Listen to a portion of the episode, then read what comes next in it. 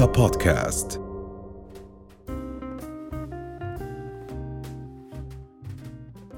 أهلا وسهلا فيكم من جديد. معنا رند الديسي أخصائية التغذية العلاجية والحديث اليوم عن رفع مناعة الجسم عن طريق الطعام. أهلا وسهلا فيك رند. صباح الورد صباح. الفل. كيف حالك؟ تمام وأنت كيفك؟ تمام الحمد لله. يا هلا أكيد نحن كلنا بنعرف إنه أهمية الطعام بالنسبة لرفع ال- المناعة ولكن يعني كيف بيشتغل ال- الجسم وكيف ممكن إنه نزيد مناعة الجسم عن طريق الطعام؟ أوكي.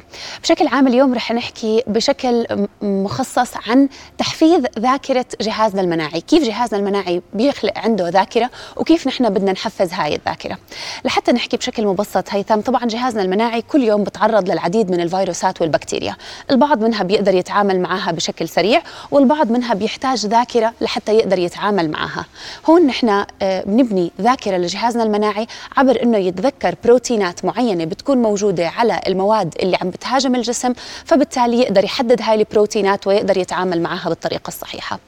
ضعف جهازنا المناعي عادة بيكون شيء غير العادة. الطبيعي إنه جهازنا المناعي يكون قوي ويقدر إنه هو يحافظ ويقاوم الفيروسات والبكتيريا والأجسام المضادة اللي بتفوت عندي على الجسم ولكن ضعف جهازنا المناعي عادة بيكون بأسباب معينة. إما بسبب سوء نمط غذائنا اللي نحن بنتناوله إما بسبب عدم وجود كميات كافية من البكتيريا النافعة اللي بتكون موجودة عندي بالأمعاء الدقيقة والأمعاء الغليظة طبعا. إما كمان عندي السبب الثالث اللي هو زيادة استهلاكنا للسكريات ونقص استهلاكنا للبروتين هون عندي الثلاث أسباب اللي بتؤدي إلى ضعف بجهازنا المناعي أو طبعا الأشخاص اللي بتكون عندها حساسيات مزمنة ما عم تتعالج منها. فبالتالي هاي الحساسيات المزمنة بتؤدي إلى عمل جهازنا المناعي بشكل دائم ولكن للأسف ما بنشوف أي نتيجة. فبالتالي الجهاز المناعي بيؤدي إلى ضعف وإحباط في عمله. تمام آه، رند هلا في أغذية معينة هي بترفع المناعة بشكل عام. وفي أغذية ممكن إنها تقلل من المناعة. يعني أنا قرأت إنه مثلا ال junk food بقلل من من صح، مناعة الجسم. صح. فهل فعليا في أغذية بتزيد المناعة؟ بصير واحد طبعاً. يمرض أقل؟ طبعا. هي بتركيزنا على micronutrients أو آآ آآ آآ فيتامينات ومعادن مخصصة للمناعة. بنقدر إنه نحن نرفع المناعة بالطريقة الصحيحة. هلأ نحن دائما لازم نحافظ على مستوى صحيح من الفيتامينات والمعادن. أي نقص في هاي الفيتامينات والمعادن بيؤدي إلى تأثير سلبي على جهازنا المناعي. لحتى نبدأ نناقش فيهم وحدة وحدة.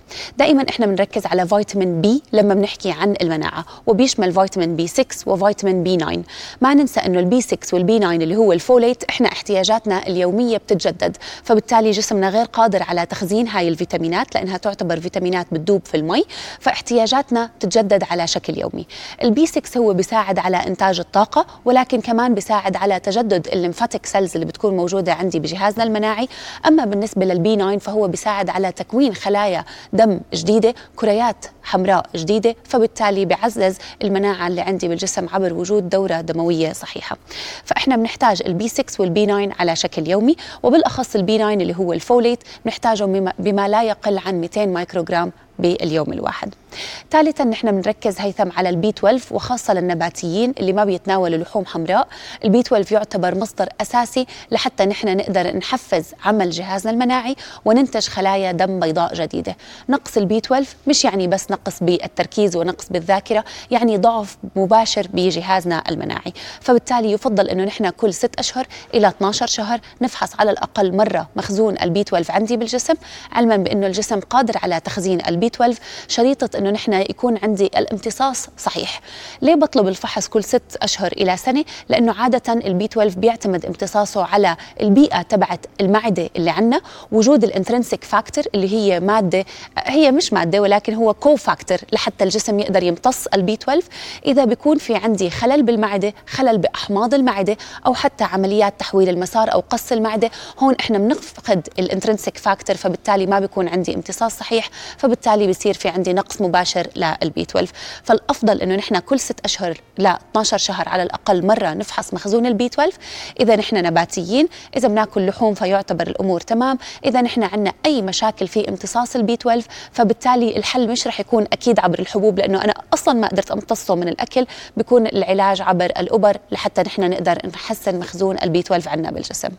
تمام آه، طب لما نحكي عن الأغذية آه، رند هل رح نتجه يعني نحكي عن أغذية معينة رح ترفع هي هاي كل المناعة؟ الأغذية إحنا بدنا نفتش على كل الأغذية اللي بتحتوي على هاي الفيتامينات والمعادن تمام.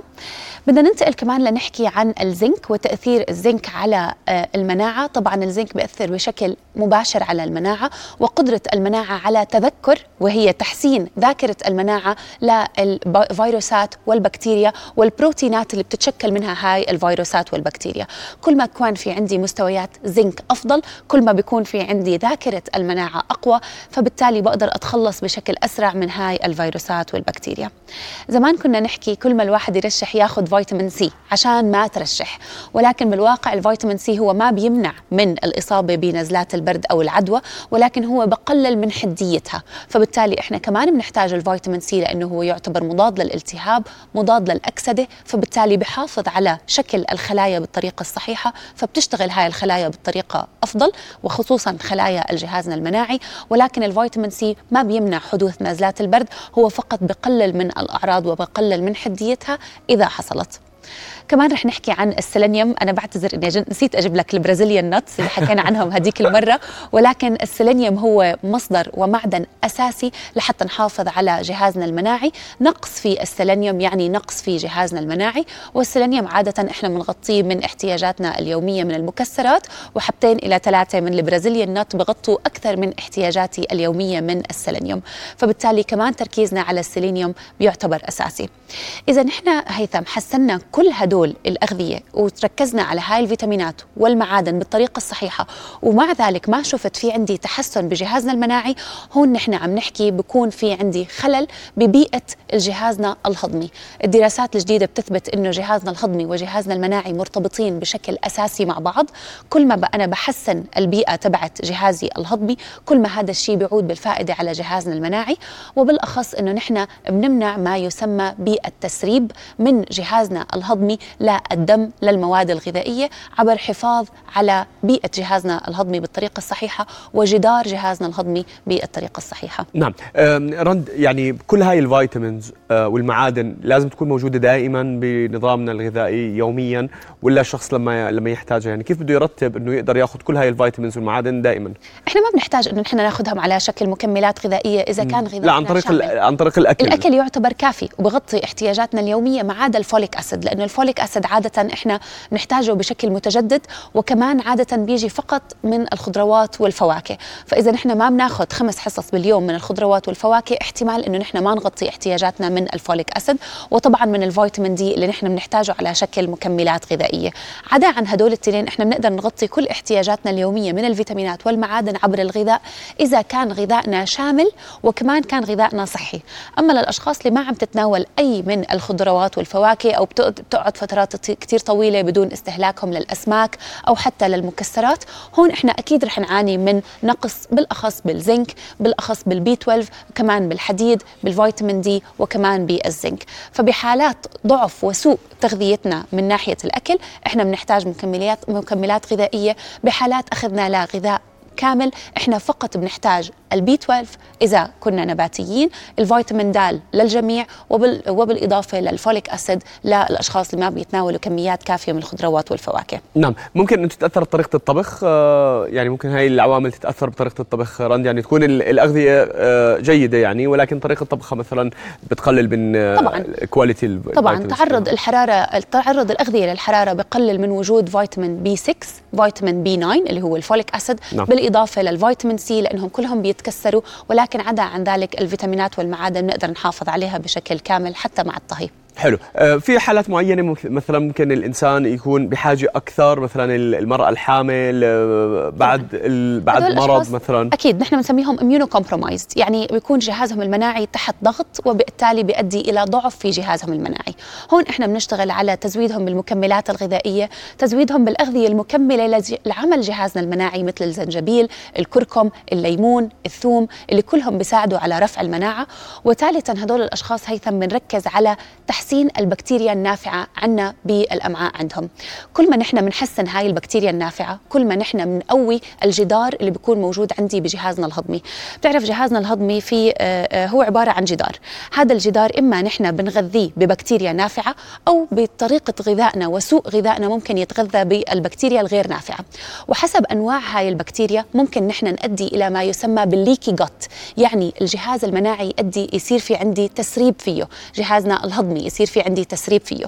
هذا التسريب يعني بيكون في عندي عدم اكتمال في هاي الحائط فبالتالي بيؤدي إنه هاي المواد بتفوت بشكل غير صحيح للدم فبترفع من عمل جهازنا المناعي وبتصير جهازنا المناعي يهاجم جهازنا الهضمي. بتحسين البكتيريا النافعة عند هدول الأشخاص بنحسن مشاكل الليكي جوت فبالتالي بنقوي المناعة عندهم. نعم جميل جدا. بدي أشكرك رند. شكرا جزيلا المعلومات كثير مهمة. يعطيك العافية. الله يعافيك. رؤيا بودكاست